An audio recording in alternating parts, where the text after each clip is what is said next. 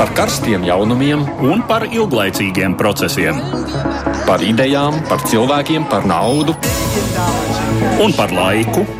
Par abām mūsu planētas puslodēm, un lietojot abas smadzeņu puslodes. Ēterā raidījums divas puslodes. Pūkstens strādā dažas minūtes pār trījiem, kas nozīmē, ka šis ir laiks ielūkoties, kas tad šajā nedēļā interesants ir noticis pasaules politikā. Redījums divas puslodes, tur jāsam mēs, Aits Tamsons un Edvards Liniņš. Tā kā šī nedēļa pagājusi Eiropas parlamenta vēlēšanu noskaņās, tad arī mēs vairāk laika veltīsim re, vēlēšana rezultātu analīzei. Pārējos raidījumos daudz runāts par Latvijas deputātiem, mēs savukārt pievērsīsimies citām Eiropas Savienības valstīm. Atsevišķu uzmanību gan veltīsim arī Lielbritānijai. Tur vēlēšanās lielu atbalstu guvusi Brexita partija, bet abas lielākās partijas piedzīvojuši būtisku sakāvi. Savukārt premjerministra Tereza Meija jau nākamnedēļ pametīs amatu, un Britus gaida jaunas politiskās kaislības. Un kopā ar mums šodien studijā ir Latvijas ārpolitikas institūta pētniece Elizabete Vizgunova. Labdien! Labdien! Un Rīgas Stradiņa Universitātes Eiropas studiju fakultātes lektore Lelde Metla Rozentāle. Labdien! Savukārt es vēl gribu lūgt klausītājus atbildēt uz vienu jautājumu, kur jūs varat atrast Twitterī. Vai jūsuprāt, Boris Džonsons būtu piemērots premjera amatam Lielbritānijā? Nu, tiem, kas kaut cik seko līdz notiekušiem Londonā, noteikti ir kaut kāds priekšstats par Boris Džonsonu. Šo Twitter jautājumu varat atrast Latvijas radio viens kontā. Tad izmantojiet iespēju nobalsot, lūdzu. Bet mēs sāksim gan ar citām ziņām īsumā.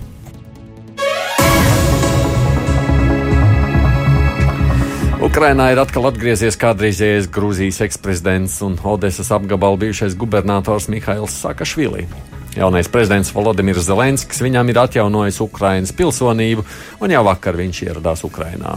Sākašvili sākotnēji bija iepriekšējā prezidenta Petro Porošenko sabiedrotais, un pēc viņa aicinājuma tieši 2015. gadā uzņēmās Odesas apgabala gubernatora amatu bet nu, pusotru gadu vēlāk viņš atkāpās no šī amata, kļūstot par Porošenko oponentu un pret viņa varu vērstās arī protestu kustības līderi.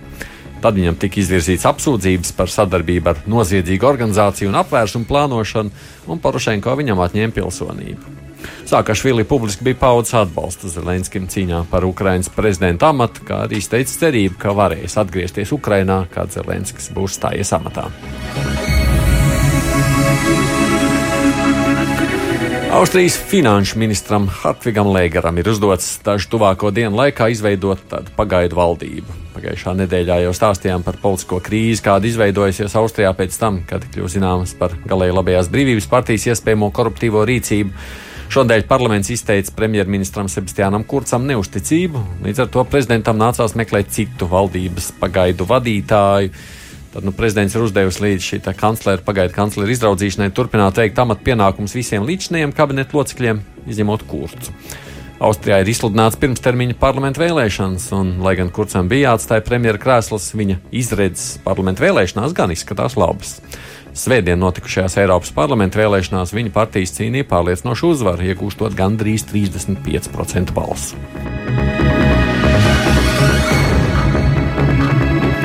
Rumānijā augstākā tiesa valdošās sociāldemokrātu partijas līderim Liviju Dragnējam ir piespriedusi cietumsodu par korupciju. Viņam būs jāpavada cietumā trīs ar pus gadu par amata ļaunprātīgu izmantošanu. Jau iepriekš zemākās instances tiesa Dragnē bija notiesājusi par to, ka viņš mudinājis padotos pieņemt darbā valsts struktūrās divus partijas biedrus. Bet pirms tam viņš bija tiesāts par krāpšanos vēlēšanās, tādēļ nevarēja kļūt par premjerministru. Tragnējs tagad ir izsmēlis pārsūdzības iespējas, un viņam tuvākajā laikā būs jāsāk izciest cietumsots. Spriedums ir pieņemts dienu pēc tam, kad Rumāņi balsojot Eiropas parlamenta vēlēšanās arī bija sodījuši partiju par strīdīgas vērtējumus izraisīto tieslietu reformu. Partija zaudēja opozīcijas sancenšiem Nacionālajai liberālajai partijai. Baltā nama pārstāvji lūguši ASV armijas amatpersonām gādāt, lai prezidenta Donalda Trumpa valsts vizītes Japānā laikā nebūtu redzams militārais kuģis, kas nosaukts par godu mirušajam ASV senatoram Džonam Makeinam.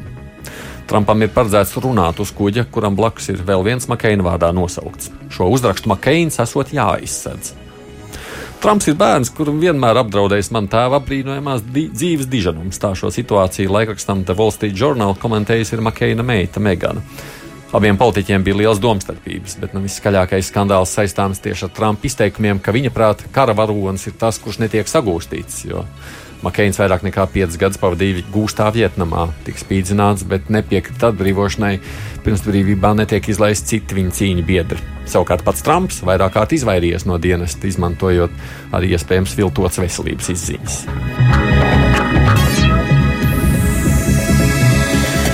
Un vēl Eiropas Savienībai drīz vajadzētu kļūt lielākai. Eiropas komisija trešdien aicināja nekavējoties sākt uzņemšanas sarunas ar Albāniju un Ziemeļmaķedoniju, norādot, ka abas valstis ir īstenojušas bloka prasītās reformas. Abas Balkānu valstis tiecas uz dalību savienībā, bet no iestāšanās process nonāca strupceļā, jo bloka politiķi, īpaši Francijā, vairs dedzīgi neatbalsta jaunu dalību valstu uzņemšanu. Albānija kļūst īpaši nepacietīga. Tās premjeras pagājušā mēnesī intervijā ziņa aģentūrai AFP sacīja, ka kavēšanās ar uzņemšanu kaitē Balkāniem un var piešķilt jaunu dzirksteli gruzdošiem konfliktiem reģionā. Visas 28 Savienības dalību valsts pērn piekrita šogad jūnijā sākt uzņemšanas sarunas, ja valsts, abas valstis būs izpildījušas noteikts nosacījumus, jo īpaši veikušas uzlabojumus cīņā pret noziedzību un korupciju. Tas nesot izdarīts, tā saka komisija. Un nu ir gaidāms, ka Eiropas Savienības līderi pildīs solīto un uzsāks uzņemšanas sarunas. Bet nu par Eiropu arī turpinām un vispirms ieraksts. Aptauju rezultāti Eiroparlamenta vēlēšanu priekšvakarā izrādījušies visai ticami. No 23. līdz 26. maijam 28 dalībvalstīs ievēlētās institūcijas sastāvs atbilst prognozētajam. Lielākā frakcija tajā joprojām ir labēji centriskajai Eiropas Tautas partijas grupai, kuras dalībpartijas joprojām bauda samērā lielu vēlētāju uzticību Vācijā, Polijā, Rumānijā, Zviedrijā un vairākās mazākās Eiropas Savienības valstīs. Pagaidām šīs frakcijas sastāvā tiek ieskaitīta arī Ungārijas valdošā un arī Eiroparlamenta vēlēšanās dominējusī partija Fidesz. Sociāldemokrāti nozīmīgākos panākumus guvuši vienīgi Pirenēju puselā, Spānijā un Portugālē. Abas pieminētās frakcijas gan saglabājušas pirmo un otro pozīciju parlamentā, taču to frakcijas kopā veido vairs tikai 44% no parlamenta vietu skaitu. Attiecīgi gan Eirokomisijas prezidenta izvēlē, gan citos svarīgos jautājumos šīm grupām nāksies meklēt vismaz vēl trešā partnera atbalstu. Visdrīzāk par tādu varētu kļūt līdzinējā liberāla demokrāta frakcija, kura, piesaistot Francijas prezidenta Emmanuela Makrona veidoto Franču liberālu centrisko partiju apvienību, veidotu trešo lielāko parlamentu frakciju. Liberāli demokrāti, tāpat labus panākumus guvušie un savu vietu skaitu palielinājušies zaļie, atbīdījuši no līdzinējās trešās uz piekto pozīciju konservatoru un reformātoru grupu, kurus jājam zirdziņš šajās vēlēšanās bija Nacionālo valstu prioritātes nostiprināšana iepratim Savienības institūciju ietekmei. Pirms vēlēšanām reizums prognozētais eiroskeptisko, labē radikālo un labē populistisko spēku uzvaras gājiens īsti nav realizējies. Lai arī tādām partijām kā Nacionālā fronte Francijā, Ziemeļu līga un piedzvēkšņu kustība Itālijā un Brexit partija Lielbritānijā izdevies gūt pat spīdošus panākumus, pat apvienotiem spēkiem šīs partijas nebūs spējīgas nozīmīgi izkustināt esošo Eiroparlamenta politisko centru. Atgādājot kopā ar mums tātad Lielda Metāla Rozentāla un Elizabete Visgunova. Kuras valsts jums šķiet visinteresantākās ar šiem vēlēšanu rezultātiem? Kuras ir vērts pieminēt? Nu, es domāju, noteikti jau, protams, ka tās uh, lielvalstis, uh, kuras uh, tomēr diktē to parāda Eiropas Savienībā, gan Francija, kur, lai kā negribētos prezidentam, viņam tomēr ir jāatzīst tāda neliela sakāvīte. Otrais. Jā, jā, jā. Un tieši tāpat Vācijā Merkels kundzei ir tā kā arī diezgan nepatīkami šie vēlēšanu rezultāti. Un, protams, ka, jo tur jau uzreiz tas ietekmē šo te spēku samēru un spēli ne tikai Eiropas Savienībā kā, kā institūcijā, bet, protams, vispār ārpolitikā Eiropas līmenī. Tad, tad, kurš tad būs tagad tas galvenais, kurš uzņemsies to līderu lomu Eiropā? Un tāpēc faktiski jau, principā, pēc tā arī, ko mēs tikko dzirdējām, e, interesanti ir tas, ka populisti ir uzvarējuši tieši lielajās vecajās, e, nu vismaz daļā no lielajām vecajām Eiropas Savienības dalību valstīm, kur acīm redzot cilvēkiem, nu, ir diezgan liela skepse pret to, ka viņiem visu laiku ir tā kā jābūt tiem donoriem vai palīgiem tām mazajām Eiropas Savienības dalību valstīm. Un viņi saka, ka mums tā kā varbūt ir apnicis, un tāpēc mēs ticam tiem populistiskiem spēkiem, kas uh, saka, ka, uh, nu, ka, ka var arī savādāk, un ka mēs varam būt arī, nu, kaut vai tāpēc Lielbritānijas gadījums arī šeit jāpiemina, vai ne, kur, kur arī tieši šis pats vēstījums ir dots, ka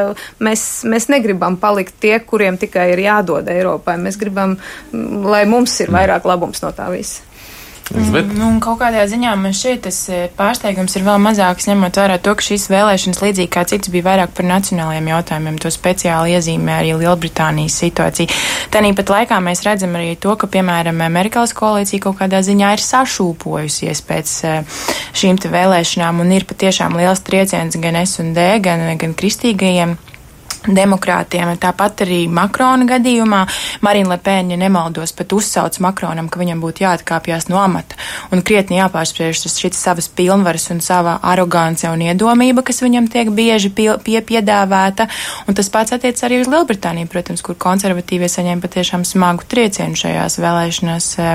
Līdz ar to nacionālās nacionālā politika un nacionālās politikas veidošana vienā vai citā veidā noteikti saņem šo iespaidu no Eiropas parlamenta. Un eh, kaut kādā ziņā varam uzskatīt, ka tā, tā kad Eiropas politika nu patiešām ir smagi iesēdusies Eiropas galvaspilsētās. Mm. Ko Edvards gribētu pieminēt? Jā, nu, mana uzmanība pirmām kārtām, protams, arī saistījās ar lielajām Eiropas dalībvalstīm, ar tām, kurās eh, varbūt tie jautājumi bija vairāk, nu, un primāri uh, Droši vien te ir jārunā par Franciju, mm -hmm. kur bija jautājums, cik tālu Emanuels Makrons ir bijis eh, Eiropas uzmanības centrā ar savu programmu, ar savām vīzijām, un arī jautājums par to, kurai eh, Eiropas eh, frakcijai tad viņš varētu pievienoties parlamentā. Ehm, tā vienošanās, kas, kas pat īsti, cik es saprotu, vēl nav pilnīga iekļaušanās šai frakcijā, bet drīzāk tāda kā alianse, kurai Makrons ir piekritis, eh, kā līdzvērtīgs, kā, kā divu, divu spēku vienošanās eh, tātad ar šo eh, liberālu demokrātu frakciju. Nu, jāsaka tā, ka, protams, no vienas puses Lepēnu un viņas nacionālo apvienību uh, dēvē par vēlēšanu uzvarētājiem, lai gan viņa ir, ja atmiņa mani neviļ, par vienu deputāta vietu pārāka. Nu, tur bija neliels par, par Makronu. Nu, un, un salīdzinoši daudz vietu ir ieguvuši arī, arī Francijas republikāņi kas ir mazliet, mazliet labējāka partija par Makronu. Uh, Um, es pat, ja pareizi atceros, ka Francija bija tā, ka viņiem šobrīd ir vienāds, laikam, tas deputāts skaits, bet ja gadījumā Briti atstās, tad, laikam, Lepēnai sanāks pa vienu uh, deputātu vairāk. Kaut kā tā, man nu, liekas, tā nu, tā, kā, bija. tā, ka tā uzvara ir relatīva uh, un uh, Makrona iespējas šo uzvaru kapitalizēt, uh, respektīvi konvertēt politiskā kapitālā, ir lielākas, tāpēc, ka viņam ir lielākas iespējas atrast kopēju valodu, Uh, nu, droši vien uh, uh, pirmkārt ar liberāļiem, lai gan es domāju, ka viņš varētu atrast kopēju valodu arī ar šo tautas, tautas partijas kreisāko daļu. Nu, diezin vai ar sociālistiem. Nu, tik sociāli liberāls Makrons laikam nav. Nu, lūk, tad. Protams, tās valstis, kur iekšpolitiskie procesi un kaut kādas iekšpolitiskas turbulences tieši vēlēšanu priekšvakarā uh, Eh, bija vērojams. Nu, pirmkārt, ir jārunā par Austriju, kur jau nu laikam gan tomēr šis video ieraksts uzpeldēja ne bez saistības ar gaidāmajām Eiropas parlamentu vēlēšanām. Eh, un, kā mēs dzirdējām eh, jau no kolēģiem, tā tad Austrijā šī mēreni labējā partija, kura bija atļāvusies eh, nelāgo eksperimentu ar radikāli labējiem, paņemot viņus valdībā, nu tā tad Austrijas tautas partija nav cietusi tādēļ smagu sakāvi. Nu, tieši otrādi faktiski, vai ne? Viņi, jā, jā ne pavisam nav cietusi. Jā, bet nu, tā ir mēreni, tā ir mēreni labēja. Es pat ne, tagad nu, neatceros, viņi ir tautas partijas vai viņi ir šajā uh, reformistu un konservatīvo blokā. Man liekas, ja drīkst Bet es man liekas, ka tikai partijas es pieļauju, ka mūsu klausītājiem tur tās grupas diezgan maz līdz šim ir Jā. interesējuši. Latvijā vispār šādā grupu tematikā partijas gan mēģināja tā kā, nu, tā kā Pozicionēties, pozicionēties. Bet nezinu, vai vēlētāji tas ļoti uz, uzrunāja. Nu, Eiropā ne, nu, tas vēlētājiem tā kā vairāk. būtu jā, nu, nu droši vien Ne, tas nu, uzrunā mēs uz- vairāk lielajās valstīs, Jā. kur ir lielāka korelācija starp to uh, pašmāju uh, politisko uh, kombināciju un to, ko viņi var panākt Eiropas parlamentā. Jo, protams, es gribēju jautāt, tas nozīmē, ka Eiropā tā, tā, nu, tā grupēšanās Eiropas parlamentā šķiet svarīgāk vēlētājiem. Jūsuprāt? Grūti pateikt, vai visā Eiropā tā tiešām šķiet eh, svarīgāk, ņemot vērā to, ka vēl joprojām šīs vēlēšanas ir pirmām kārtām par nacionālajiem jautājumiem un tiek balsots par nacionālajām partijām, nevis par vēlētāju grupām. Bet eh, es domāju, ka mēs tepat Rīgas ielās redzot eh, Timermanu seju, varējām redzēt, ka šīm te grupām ir kaut kāds, kaut kāds svars, vai vismaz dažas no partijām vēlētos, lai viņām būtu kaut kāds svars. Varbūt grib, lai būtu svars. Jā, es drīzāk tā teiktu, jo es domāju, ka reti kurš no Rīgas uh, uh, iedzīvotājiem, kas staigāja pa ielām, atpazina šo kungu un saprata, uh, kas tieši tas ir par prezidentu, kā mm. viņš tur bija nosaukts un kā, kāda varētu būt viņa tā nākotnes Tas loma. liberālais burbulis, kas interesējas par Eiropas parlamentu jautājumiem, ir tas izglītotā sabiedrības grupa, kas, protams, ir ļoti, ļoti maziņa, ir tā, kuru šī informācija aizsniedz. Un, Protams, es teiktu arī vairāk. Es nezinu, vai Timermans kungs bija informēts, kāda reputācija ir viņa jaunajiem, eh, nu, relatīvi jaunajiem tagad koalīcijas partneriem, un sevišķi sakarā ar to, eh, nu, kāda, kādas ir attiecības ar eh, Krieviju un, un kaut kādiem prokremliskiem noskaņojumiem, jo Timermans kungs pats šai ziņā ir eh, nu, radikāli skarbs Putina draugu kritiķis Eiropā. Un, nu, kā tas korelē ar Nila Aušakova uh, nostāju un reputāciju un viņa elektorāta noskaņojumiem Latvijā, tas ir, uh, nu, es teiktu, smaidu raisošs Es jautājums. varbūt varu ātri paturpināt par to, ka es domāju, ka arī labējām partijām un šīs nacionālistiski noskaņotajām partijām ar Eiropas demokrātiju un brīvību Eiropas grupas dalībniecēm, piemēram, noteikti bija svarīgi šī te e, partiju grupu jautājums, un tas noteikti tika komunicēts arī vēlētājiem, ka mēs tad būsim citā grupā. Salvīni ir ļoti kapitalizējis uz šo te konkrēto tematiku, vēl joprojām runājot par to, ka tagad viņš vedīs sarunas ar Nigelu Farāžu, kas gan nav tik entuziastiski noskaņots, lai pievienotos Salvīnī grupējumam un Lepēns grupējumam, eh, bet eh, tomēr es domāju, ka eh, šie te, šie te eiroskeptiskie spēki noteikti ir kapitalizējuši šo Šo jautājumu. grupu. Bet, uh, ja, ko nozīmē tas fakts, ka centristi, kā mēs sakām, tās iepriekš lielās grupas ir zaudējuši savu atbalstu? Nu, kas, man, kas man no tā? Nu, patiesībā tā varbūt ir tāda eh, nu, jautājums par prioritāšu maiņu Eiropas Savienībā, ka iespējams, ka vairs eh, šīs te dominējošās grupas, kurām iepriekš bija absolūtais vairākums, viņas tomēr varēja vairāk tā kā diktēt to savu uh, viedokli. Tad šobrīd jau vairāk tas būs stāsts par tādu diezgan uh, nu, lielu iešanu uz kompromisiem, uz dažādiem vienošanām savstarpējām un iespējams arī daudz lielāku iespēju mazajām grupām panākt kaut kādas sevi interesantas lietas, lai tiek iekļauts mm. dienas kārtībā, nekā tas bija pirms tam. Bet mm. tas ir atkarīgs arī, piemēram, skatāmies uz zaļajiem. Zaļie ir tie, kas par kur tiek saukt kaut kādā ziņā par lieliem tādiem uzvarētājiem. Viņiem tur 71 mm. vieta, nebā, ne, ja nemaldos, kas ir lielākais skaits, viņiem tiešām labs pieaugums.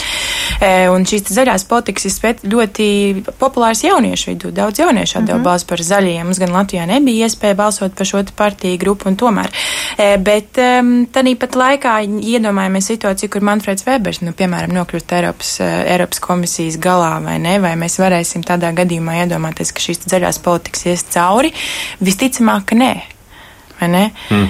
Tāpēc ir, ir jāskatās uz to, kādas kombinācijas varētu veidoties, bet, protams, ka zaļajiem pirmo reizi būs iespēja patiešām šo savu e, balsi pacelt un runāt par pro-eiropeisku, pro-migrantu un zaļu Eiropu. Tas, protams, ir patiesībā droši vien vērtējums kā tāds interesants, pozitīvs pagrieziens, būs kaut kas jauns. Tu, Edvard, bija Briselē, tu runāji arī tajā brīdī vēl par vēlēšanām, tajā laikam par prognozējamiem rezultātiem. Jā, Tur mums dzirdēsim vienu ierakstu ar komisāru mazliet viņa. Ar Jā, ar uh, Margaretu Vestāgeri, kura ir uh, līdz šim uh, Eiropas komisāra konkurences jautājumos, pārstāv Dāniju mm. Eiropas komisijā.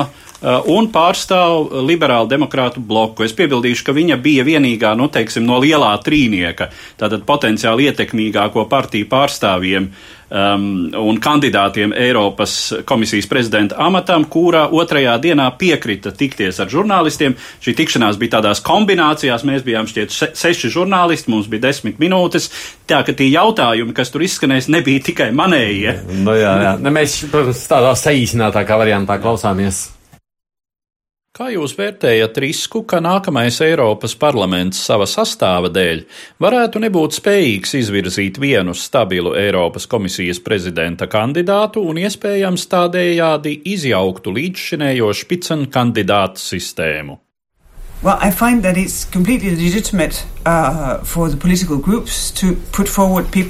Es uzskatu, ka politiskajām grupām ir visas tiesības izvirzīt personas, kuras viņuprāt ir izcilas attiecīgajam amatam. Tāpat Eiropadome ir tiesības norādīt, ka tai vai citai personai ir atbilstoša kvalifikācija. Abām institūcijām ir jālemj kopīgi. Ja ticam aptaujām, Eiropas parlaments būs citādāks nekā tas ir pašreiz. Mums būs daudz organizētāks galēji labējais spārns, mums būs mazāka Eiropas tautas partijas grupa, mazāka sociāldemokrātu grupa, jauna lielāka liberāla demokrātu grupa, tāpat lielāka zaļo grupa. Tātad jābūt citādākām sarunām starp partijām, lai izveidotu koalīciju. Tā, protams, ir jauna situācija Eiropas parlamentā. And that, of course, is a new situation in the European Parliament. Pastāv bažas par divu ātrumu Eiropu. Ko jūs kā potenciālā Eirokomisijas prezidente darītu, lai to nepieļautu, lai nepadarītu Eiropas austrumus mazvērtīgākus? Well, we have already a multi-speed Europe. Mums jau šobrīd ir vairāku ātrumu Eiropa. Mums ir Eiro valstu grupa, mums ir Banku savienība, kas ir atvērta arī valstīm, kas nav Eiro grupā. Mums ir fiskālais kompakts, mums ir vienošanās par patentu sistēmu. Tā kā mēs to jau šobrīd redzam, bet es domāju, mums jābūt ambīcijām un mums jāstrādā vienotības labā, jo tas radīs labākus risinājumus, tā skaitā pašos vienotā tirgus pamatos. Te mums vajadzīga vienotība un mums jāatgriežas pie kopējā tirgus jautājumiem, jo tā ir viena no lietām, kas padara mūsu vidi pievilcīgu biznesam. Šai ziņā es domāju, mums ir daudz vairāk kopīga nekā mums šķiet, taču padarīt vairāku ātrumu Eiropu par kādu mērķi, tam es nepiekrītu. But to make a multi-speed Europe a, uh, an, a vision in itself, that I don't share. Domājot savukārt tālāk par šī Eiropas komisijas vadītāju, nu vispār jau amatpersonu izraudzīšanu, kā jums šķiet, cik tas būs sarežģīts process, kā jūs prognozējat? Nu, kā jau liecina jau tās sarunas pirmās, kas ir sākušās, ka tas noteikti šoreiz būs daudz sarežģītāks process nekā tas ir bijis iepriekšējās reizes, jo kaut vai tikko, ko mēs dzirdējām, Margareta Vestager, kas runāja, viņa jau ir teikusi, ka viņi nespēja pat iedomāties, kā Weber kungs varētu, Manfreds Webers būt vai ne šai augstajā amatā, un, protams, ka savas ambīcijas ir arī sociālistiem, kas pastāv uz, uz savu kandidātu, plus nāk vēl stāsts par neatkarīgajiem kandidātiem, kas varētu arī parādīties varbūt kā kompromisa figūras, un tāpēc jau, kā mēs dzirdējām, tad, tad ir izveidota sarunu vedēju vesela komanda, kas nu tagad mēģinās atrast kompromisu, kur arī mūsu premjers Kariņkungs ir iesaistīts ar savām sarunu vešanas spējām, lai atrastu to, to nu, visveiksmīgāko, visiem izdevīgāko uh, vidusceļu, respektīvi, kā, ja var tā teikt, godīgi starp visiem visiem sadalītu dažādus augstos amatus. Jo Kariņkungs jau arī pareizi teica, nav jau runa, tagad mēs par to Eiropas komisijas prezidentu runājam viskaļāk, bet tur jau tālāk nāk Eiropas, Eiropa padomas priekšsēdētājs, nāk augstākais, augstais pārstāvis ārlietās, Eiropas centrālās bankas prezidents, Eirogrupas prezidents un tā tālāk. Tātad šie augstie amati ir gana daudz un tagad ir jāizschēmo, kā viņus sadalīt tā, lai visas puses ir apmierinātas. No vienas puses tā ir intriga, ne? Nē, no, līdz šim bija tā, ka bija jāsadala lielās līnijās starp Tautas partiju un -hmm. sociāldemokrātiem. Mm -hmm. Nu, tagad ir jādala, būs jādalās vismaz vēl vismaz ar trešo. Jā. jā. Un vēl, nu, vēl, teiksim tā, no, no Eiropa, no mm. Eiropas institūcijas un tā varas virsot no divriteņa ir kļūst par trīsriteni. Eh, trīsritenis ir lēnāks, eh, bet tas ir stabilāks. Jā, bet vēl jau arī to deķīt uz savu, katru savu pusi rās arī lielvalsts, jo Francija un Vācija jau ir izrādījuši to, ka viņām eh, nav sakrītošas domas jautājumā par to, kas tad varētu būt tas mm -hmm. Visticākais kandidāts. Un, ja Merkels kundze vēl joprojām pastāv uz to, ka tam jābūt Manfredam Weberam, Francijas prezidents Makrons tam, protams, nepiekrīt. Un viņš nav ar mieru, ka tur ir cilvēks, kas ir bez pieredzes. Līdz ar to es domāju, ka mēs tiešām runājam jau par kādu citu, nevis par Weberu. Jā, Weber kungam ir viena liela uh, problēma. Viņš pārāk atgādina to, Uh, individuāli pārāk atgādina to tēlu, kas saistās ar šiem nesevišķi harizmātiskajiem, nesevišķi spilgtajiem, ar līdera īpašībām, nesevišķi apveltītajiem līdzšinējiem Eiropas vadītājiem. Un tā ir liela problēma. Nu, viņam jau arī pārmet to, ka viņš ir tā kā ļoti, no vienas puses ļoti, ļoti ilgi Eiropas parlamentā jau un faktiski ir atrauc no tās reālās situācijas dalību valstīs, ka viņam ir šis te eiro, mm, eiro birokrāta skatījums uz lietām, un tas dažkārt uh, neveicina tādu veiksmīgu sadarbību dalību valstu starpā. Jā, Man, kolēģi Ievzei sazvanīja pirms raidījuma arī Krišānu Kariņu, kurš ir tātad no Latvijas šis sarunu vedējs, runājot par Eiropas Tautas partiju, kādas arī tās izredzes, tad arī sākās šī saruna. Rezultāts ir tāds, ka beigās tas paliek kā vislielākais politiskais spēks, kas ir ievēlēts eh, Eiropas parlamentā. Tātad spēks ir nedaudz eh, samazinājies, līdzīgi kā ir uh, sociālistiem, bet uh, joprojām ir lielākais. Nu, bet, ja mēs atskaitām no Eiropas Tautas partijas rindām Orbāna partiju Fidesz, Pirmkārt, es neesmu tik pārliecināts, ka tas notiks. Otrakārt, ja tā ņem, tad jau var sākt atskaitīt Britu balsis un tad tas pārsvars Eiropas Tautas partijai pat ievērojami pieaugs, jo Tautas partijai nav neviens no Lielbritānijas, bet e, citām grupām uh, ir jūtāmi. Tas ir tā skaitā uh, sociāldemokrātiem un liberāļiem. Vai jūs, prāt, Eiropas Tautas partijas grupai vajadzētu turpināt uzstāt uz Eiropas komisijas priekšsēža vietu? Es domāju, ka tur ir zināma loģika, tā ir, ir tāda ierasta tradīcija, kādā veidā sadala eh, šādas amatus Eiropas līmenī, kā varētu teikt, tāda tīri matemātiski. Tas, kas ir pirmais, pasaka savu pirmo izvēli, tad, kas ir otrais, pasaka savu izvēli, trešais savu izvēli, un tā, kamēr visi posteņi ir aizpildīti. Tur vienkārši ir zināma loģika. Tas, kas ka, ko gan varētu sagaidīt, ja iepriekšējā sasaukumā Eiropas Tautas partija guva gan Eiropas komisijas priekšsēdētāju amatu, gan Eiropas padomes eh, priekšsēdētāju amatu, gan arī mūsu otro eh, posmu Eiropas parlamenta priekšsēdētāja amatu, nu, tas nu gan nebūtu tas, ko sagaidītu. Bet proporcionāli skatoties, tas nebūtu pārsteidzošs iznākums. Ja mēs atgriežamies pie Eiropas komisijas priekšsēdētāja amata, vai jūsuprāt, Webers ir labākais kandidāts šai vietai? Es jebkurā do gadījumā domāju, ka viņš būtu ļoti labs uh, kandidāts, jo viņa pieredze, viņš eh, piecus gadus tomēr ir vadījis Eiropas parlamentā lielāko frakciju ar pārstāvjiem uh, no pilnīgi visām uh, dalībvalstīm, pat no Lielbritānijas bija trīs pārstāvji. Viņš izprot Eiropas Savienības likumdošanas procesu viņš ļoti dziļi izprot un ir ar pierādījumu e, ilgus gadus piekops e, to nepieciešamo kompromisu politiku, kur neiet kāds ar mani drusku vairāk, tā pienākās viss, bet viņš prot sadarboties ar citiem. Tātad, vai ir kāds kvalificētāks, teorētiski var būt, bet tas, ka viņš ir ļoti labi kvalificēts, par to es esmu pārliecināts. Kā ar Mišelu Berņē, kuru vārds ik pa laikam uzpeld publiskajā telpā, runājot par Eiropas komisijas priekšsēžu vietu? Nu, es jebkurā gadījumā sliektos eh, drīzāk teikt, ka eh, Weberkungs eh, taiskaitā, jo viņš ir arī no jaunākās paudzes. Es domāju, ka tas nāktu par labi visai Eiropas Savienības pārvaldes struktūrām, ja atbalstītu un ļautu teiksim, nu, jaunākām vai nākamai paudzei nākt iekšā. Un Weberkungs ir salīdzinoši jauns politiķis, kas pārstāv tomēr daudz, daudz jaunāku paudzi. Es domāju, ka tā būtu arī zināma priekšrocība viņam. Tā, Krišāns Kadiņš, jūs prāt, kurš būs Eiropas komisijas vadītājs Varam vēlēt, likums likt. Grūti spekulēt, man šķiet, vēl šobrīd grūti pateikt, ņemot vērā to, ka nav vienošanās starp lielajām dalību valstīm. Man šķiet, ka parlaments to viens pats tur šī darba grupa izveidotā to nevarēs izšķirt, neņemot vērā tās, mhm. tos, tās lielās dalību valstis. Tā ir vienošanās starp Vāciju un Franciju, mm. kurš eh, šajā reizē būs ar mieru piekāpties, eh, vai, vai, vai Merkels kundze būs tā, kura uzvarēs tomēr, un, un viņas šis te pārstāvētais, kā, nu, mm. viņas atbalstītais kandidāts. Nu, pēc idejas tad būtu Merkelē jāpiekāpjas, ne vai ne?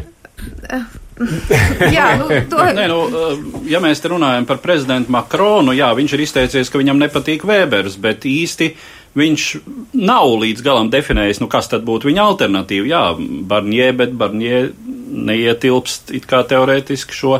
Viņš nav pieteicis savu kandidatūru nekādā jā. veidā. Viņš vienkārši ir ļoti nobriedis un vairāk cilvēku viņu ir virzījuši. Bet vai viņš pats to darbu grib, tas vispār nav skaidrs. Tā būtu, tā būtu absolūta kompromisa figūra. Nu, nu, ērta varētu būt tīri, tīri no politiskā viedokļa, raugoties no tādas politikas līdzsvaru un taktikas viedokļa, jo, lūk, Eh, viņš pārstāv it kā šo tautas partijas frakciju kā politiķis, tajā pašā laikā Makrons, kurš, nu, teorētiski tagad iekļaujas liberāla demokrāta frakcijā, viņu atbalsta, tāpēc, ka Barģē ir francūzis un tāpēc, ka viņam viņš patīk. uh, nu, uh, visi, visas šīs nianses uh, patiešām sistēmā, kuru man jāatzīst, man šo sistēmu, teiksim, es, es, es arī to līdz galam neizjūtu ar savu demokrātiskas valsts pilsoņa pieredzi, jo tā tomēr eh, ir ļoti atšķirīga no, eh, no valsts iekšējas politikas, iekšēja politiskā procesa, eh, jo nu, te mēs runājam par joprojām dinamiskā tapšanas procesā esošas valstu savienības modeli kas nav īsti salīdzināms ne ar ko citu. Tas nav salīdzināms ar, teiksim, savienoto valstu, nu jā, kā, vai jebkuras citas federālas valsts mm. politisko procesu. Jūsuprāt, kāda būs Britu ietekme visā procesā, kas tagad notiks Eiropas parlamentā. Jā, tas jau atkal ir tāds lielais nezināmais, kas, kas vispār ar Britiem notiks, kas nāks tagad uh, kā, kā jaunais premjers uh, un kāds būs šis te kurs, vai mēs pēkšņi iesim uz cieto Brexitu un, vārds sakot, Briti ņems un izstāsies oktobrī no Eiropas Savienības, vai varbūt būs kaut kāda cita stratēģija. Šobrīd tur tiešām ir tik daudz, es nezinu, jājautā kolēģi kolēģei, kā viņi uz to skatās. Darām tā, noklausīsimies maz mm -hmm. ierakstīņu un tad turpinām.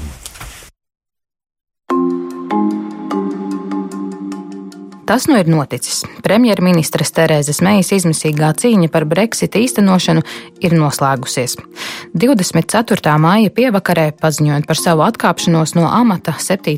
jūnijā, Toriju partijas līderi nespēja novaldīt asaras. Jautājums par viņas darba turpinātāju šobrīd ir būtisks nevien Britu, bet arī visas Eiropas politikai, cik tālu no viņa būs atkarīga Brexita tālākā gaita. Kā iespējamie kandidāti tiek minēti ārlietu sekretārs Džeremijs Hans, kabineta locekļi Ester Luīze Makveja un Rorijs Stjuarts, kā arī bijušais ārlietu sekretārs Boris Džonsons. Jāpiebilst, ka Borisam Džonsonam jāstājas tiesas priekšā saistībā ar apgalvojumiem, ka Brexits Lielbritānijai ļaut ietaupīt 350 miljonu mārciņu nedēļā, kurus viņš izteica 2016. gada Brexit referenduma kampaņas laikā.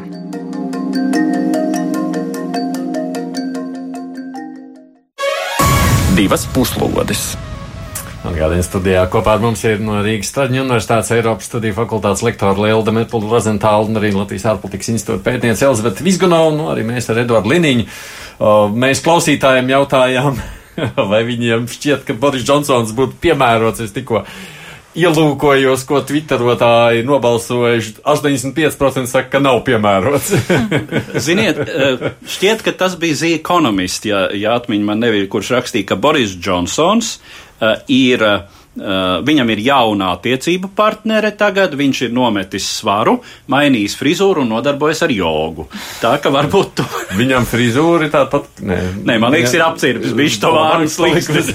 Viņam pieregulējis. Labos rezultātus diez vai būs laiks uzturēt, ņemot vērā smago darba nastu, kas viņam varētu pienākties pēc tam, ja viņš kļūtu par premjerministru Lielbritānijas. Bet, eh, ja mēs runājam par to, kāds tad varētu būt Britu iespējas, es domāju, ka tur ir divi līmeņi. Tad tas pirmais līmenis tīri uz Eiropas parlamentu parlamentu. Nu, mēs zinām, kāda rezultāti viņiem ir, ja nemaldos, 29 krēsli iegūti, un uh, Britu eh, šeit Brexita partijai, un uh, visnotaļ viņi, teiksim, šo te savu partiju grupu um, ir izvirzījuši uh, līdzās Lepēnas un Salvīnī grupējumam kā potenciāli riska faktoru.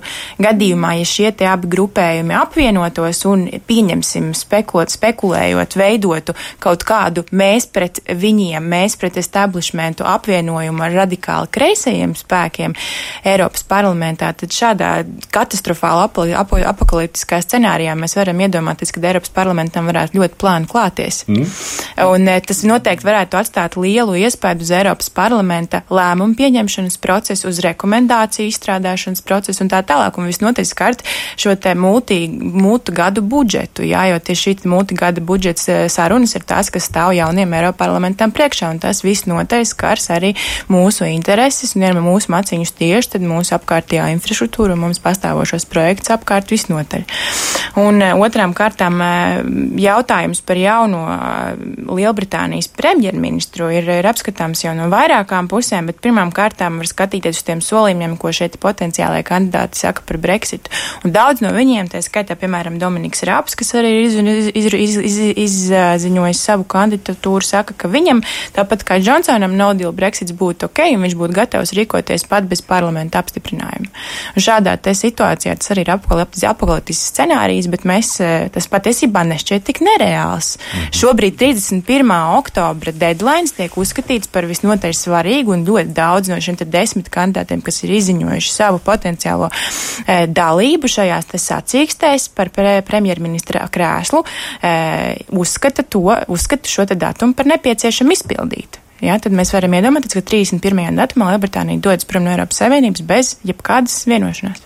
Jā, ar visām sekām, kas no tā varētu izrietēt, par ko mēs jau gana šeit esam runājuši. Un, nu, Protams, eh, Boris Džonsons, runājot par viņu konkrēti, ir pilns pārliecības, ka viņam, atšķirībā no Terēzes Mējas, varētu izdoties pārliecināt Eiropas Savienības dalību valstis piekrist citai Citam vienošanās. Jā kas ir es, es un neviens cits pasaulē. Es domāju, nesaprot, izņemot dažus, nu, acīm redzot, dažus miljonus britu, kuri, kuri atbalsta šo cieto Brexitu, kā to varētu izdarīt. Kāpēc Eiropas Savienība vispār drīkstētu?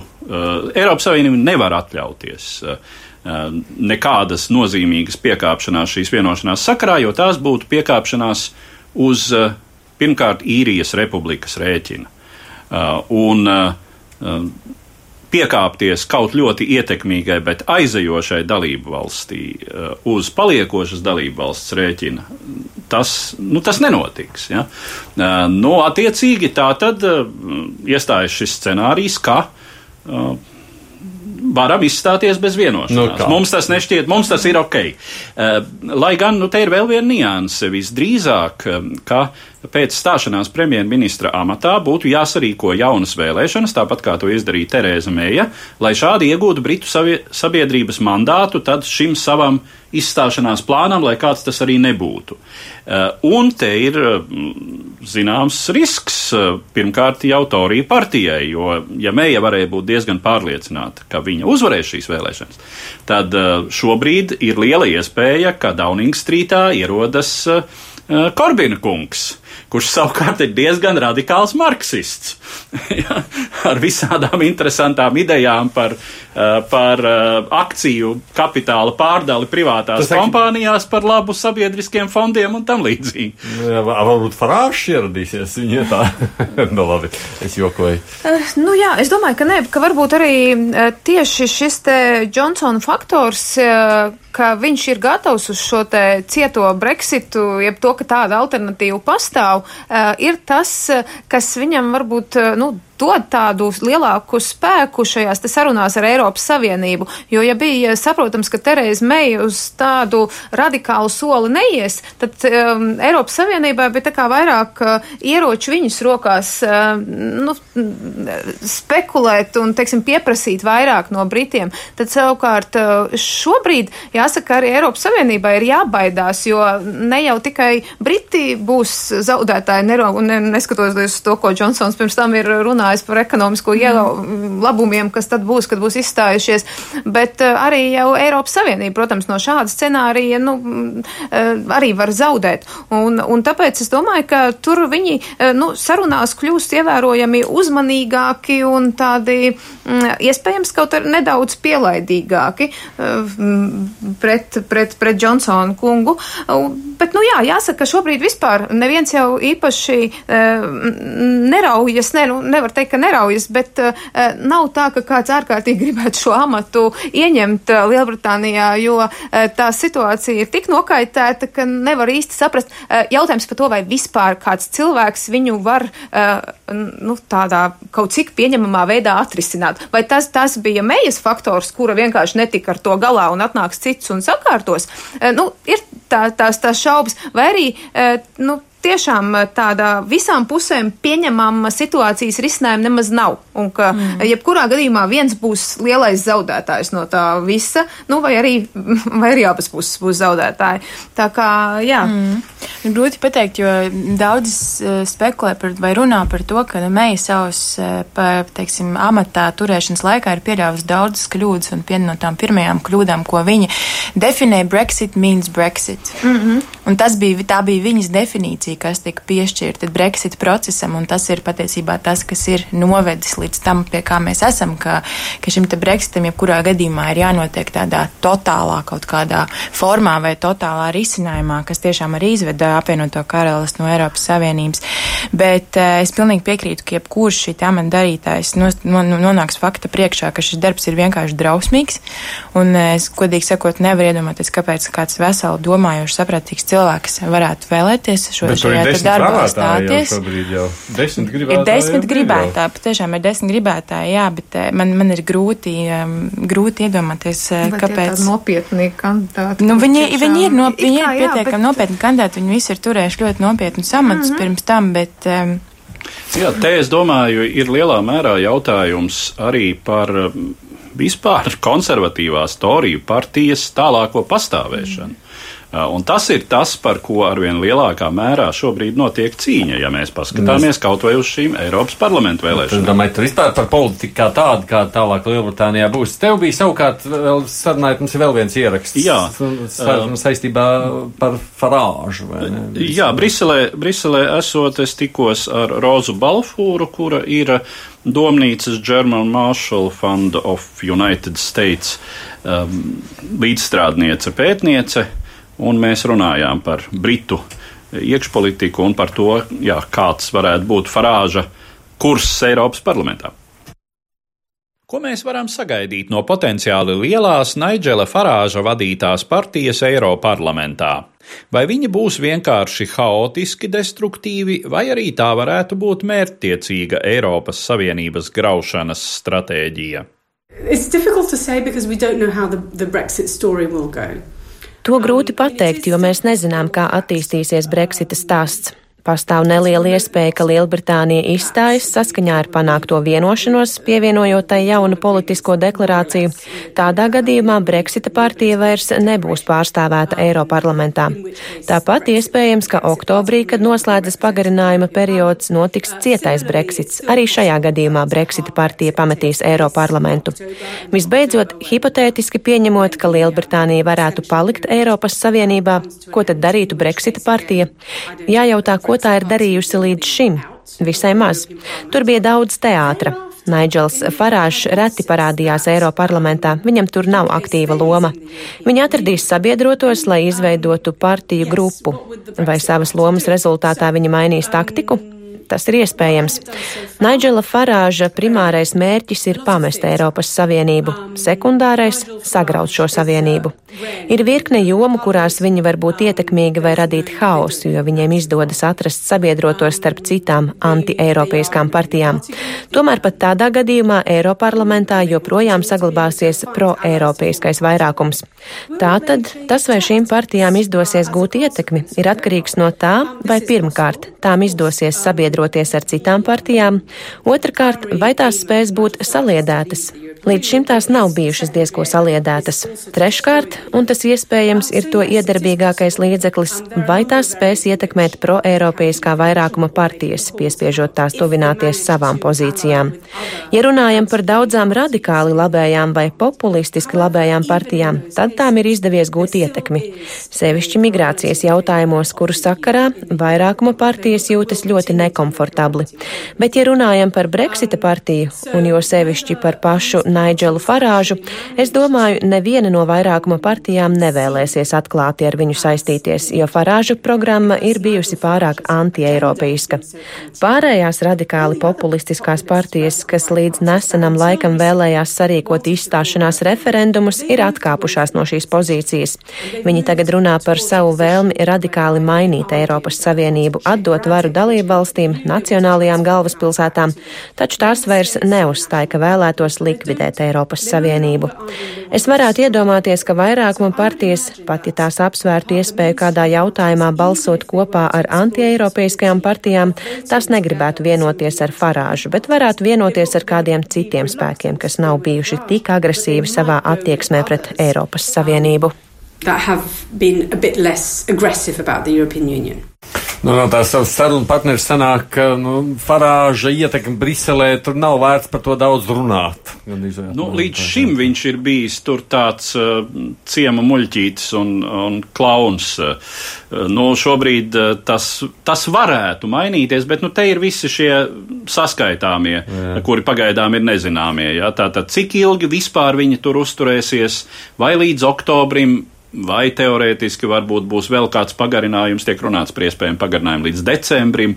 Uh, un, un tā tālāk, un tā tālāk. Tas ir, tas ir viens. Uh, mēs jau te pieskārāmies šīm iespējamajām attiecībām, un uh, kolēģe Elizabete teica, ka lūk, um, varētu būt vienošanās starp radikāli kreiso frakciju un šīm anti-eiropeiskajām populistiskajām partijām tas man nešķiet tik ticams, nu, radikāli kreisie nevar atļauties iet savienībā ar partijām, kuras, kuras sauc par neofašistiskām daudzos gadījumos. Eh, eh, nu, tas būtu Molotov-Ribbentropa pakts, eh, vārdu tiešā nozīmē te vai.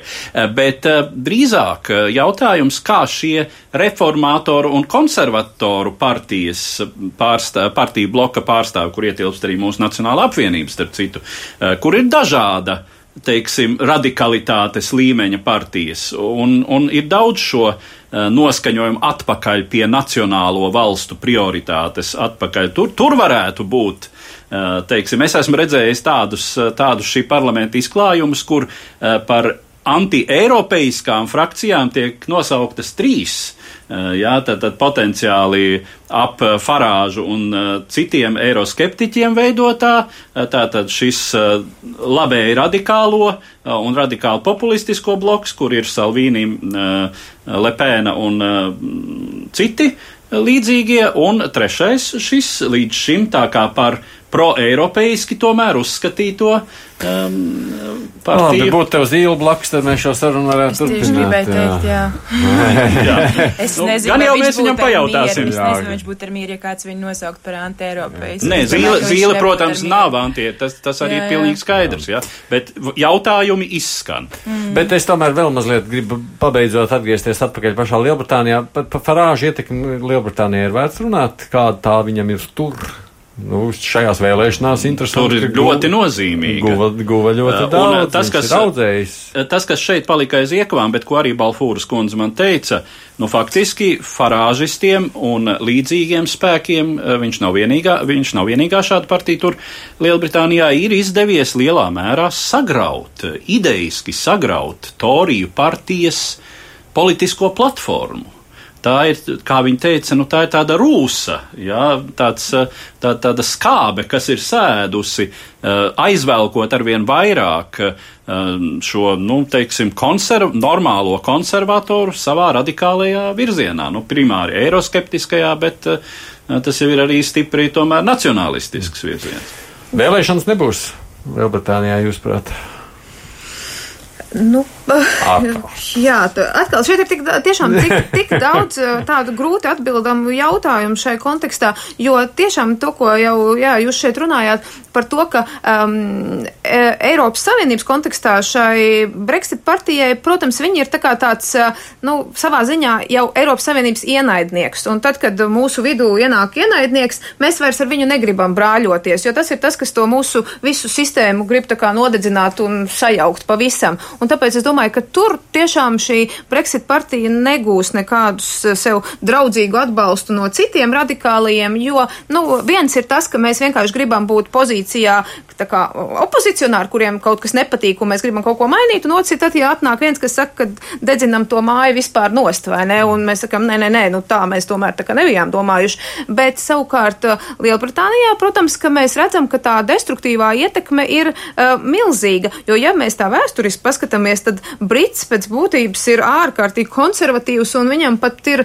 grūti izmainīt kaut kādus savus absolūti ikdienišķos paradumus, kurā dienā viņš iet, nezinu, tikties un dzert alu kaut kādā vietējā krodziņā, un pēkšņi viņi ir gatavi uz, nu, tādu absolūti nezi, nezināmu soli, kā tas īsti beigsies un ko tas, ko tas nesīs Lielbritānijai. Nu, es domāju, tur arī ir tas fakts, ka viena daļa neapzinās, jo uh, ir eh, ļoti jauki domāt par, par to laimes lāci, kas tagad nāks un cik mēs eh, neatkarīgi un laimīgi dzīvosim, un eh, ka tā tieši tā sabiedrības daļa, kas balsoja par šo te mm, Brexit partiju, ka viņi īsti nesaprot to, kādas tās sekas varētu nu, būt. Bet varbūt tā, tā sajūta. Es pieļauju arī daudziem Eiropā šajā brīdī, un gan jau varbūt arī, es nezinu, es nezinu Lielbritānijā sakot, nu, tad lai viņi iet ar savu bezvienošanos, nu, lai mēģina. Lai garšo, kā tas garšos. Nu, es vienkārši nepiekrītu tai idejai, ka varētu būt vēl kaut kādas sarunas ar Lielbritāniju. Man liekas, ka vairāk sarunu nebūs. Un mm. jautājums ir, ko mēs darīsim ar tām backstop, tā saucamā backstop sistēmu uz Ziemeļīrijas robežas. Um, bet um, tālākas sarunas no Briseles puses es vairs neredzu. Tas ir bijis pārāk sarežģīts kompromiss. Tas ir bijis pārāk daudz pretīm nākšanas, manuprāt, no Briseles puses, lai iziet uz vēl vienām kaut kādām paildzinātām diskusijām. Un, e, Tas nebūtu labs nu, proti, signāls sakām, parādīt Eiropas jā. Savienību tādā gaismā, ka mēs esam gatavi atkal piekārties un atkal iziet uz kaut kādām sarunām. Nu, visticamāk, divi varianti. Vai nu jauns referendums, vai ejam no deal, apmēram tā, jā, bez vienošanās. Jā. Faktiski Vai nu, vai nu? Nu, nē, droši vien, ka nē. Es pieļauju, ka, uh, ja, no, te... ja notiktu. Torija nākšana pie, ja notiktu Leiboristu nākšana pie varas, uh, tad visdrīzāk uh, varētu iet cauri cits, panāktā vienošanās. Jā. Vai, Bet... arī, vai arī referendums par vispār mm. par. Bet vai būs vēlēšanas, tas ir jautājums, uz ko nevaram atbildēt atkal, jā? Un atkal. Nu, visdrīzāk, visdrīzāk gan būs. Visdrīzāk būs. Mums ir daudz neatbildāmo jautājumu, kā parasti runājot par Lielbritāniju un Brexit, bet es jums saku paldies, ka atnācāt šeit uz studiju, runājot par Eiropas parlamentu vēlēšanu rezultātiem un arī par to, kas notiek Lielbritānijā šeit no Latvijas ārpolitikas institūta pētniece Elizabete Vizgunovs studijā bija pie mums un Rīgas Taģiņa universitātes Eiropas studiju fakultātes lektora Lielda Metal Rozentāla. Paldies jums! Paldies! Abām protams, arī Edvards Liniņš, es Aits Tomsons, producente Ieva Zeiza. Paldies visiem, kas bija. Gaidām nākošo nedēļu, skatīsimies, kas atkal jauns ir noticis. Divas puslodes!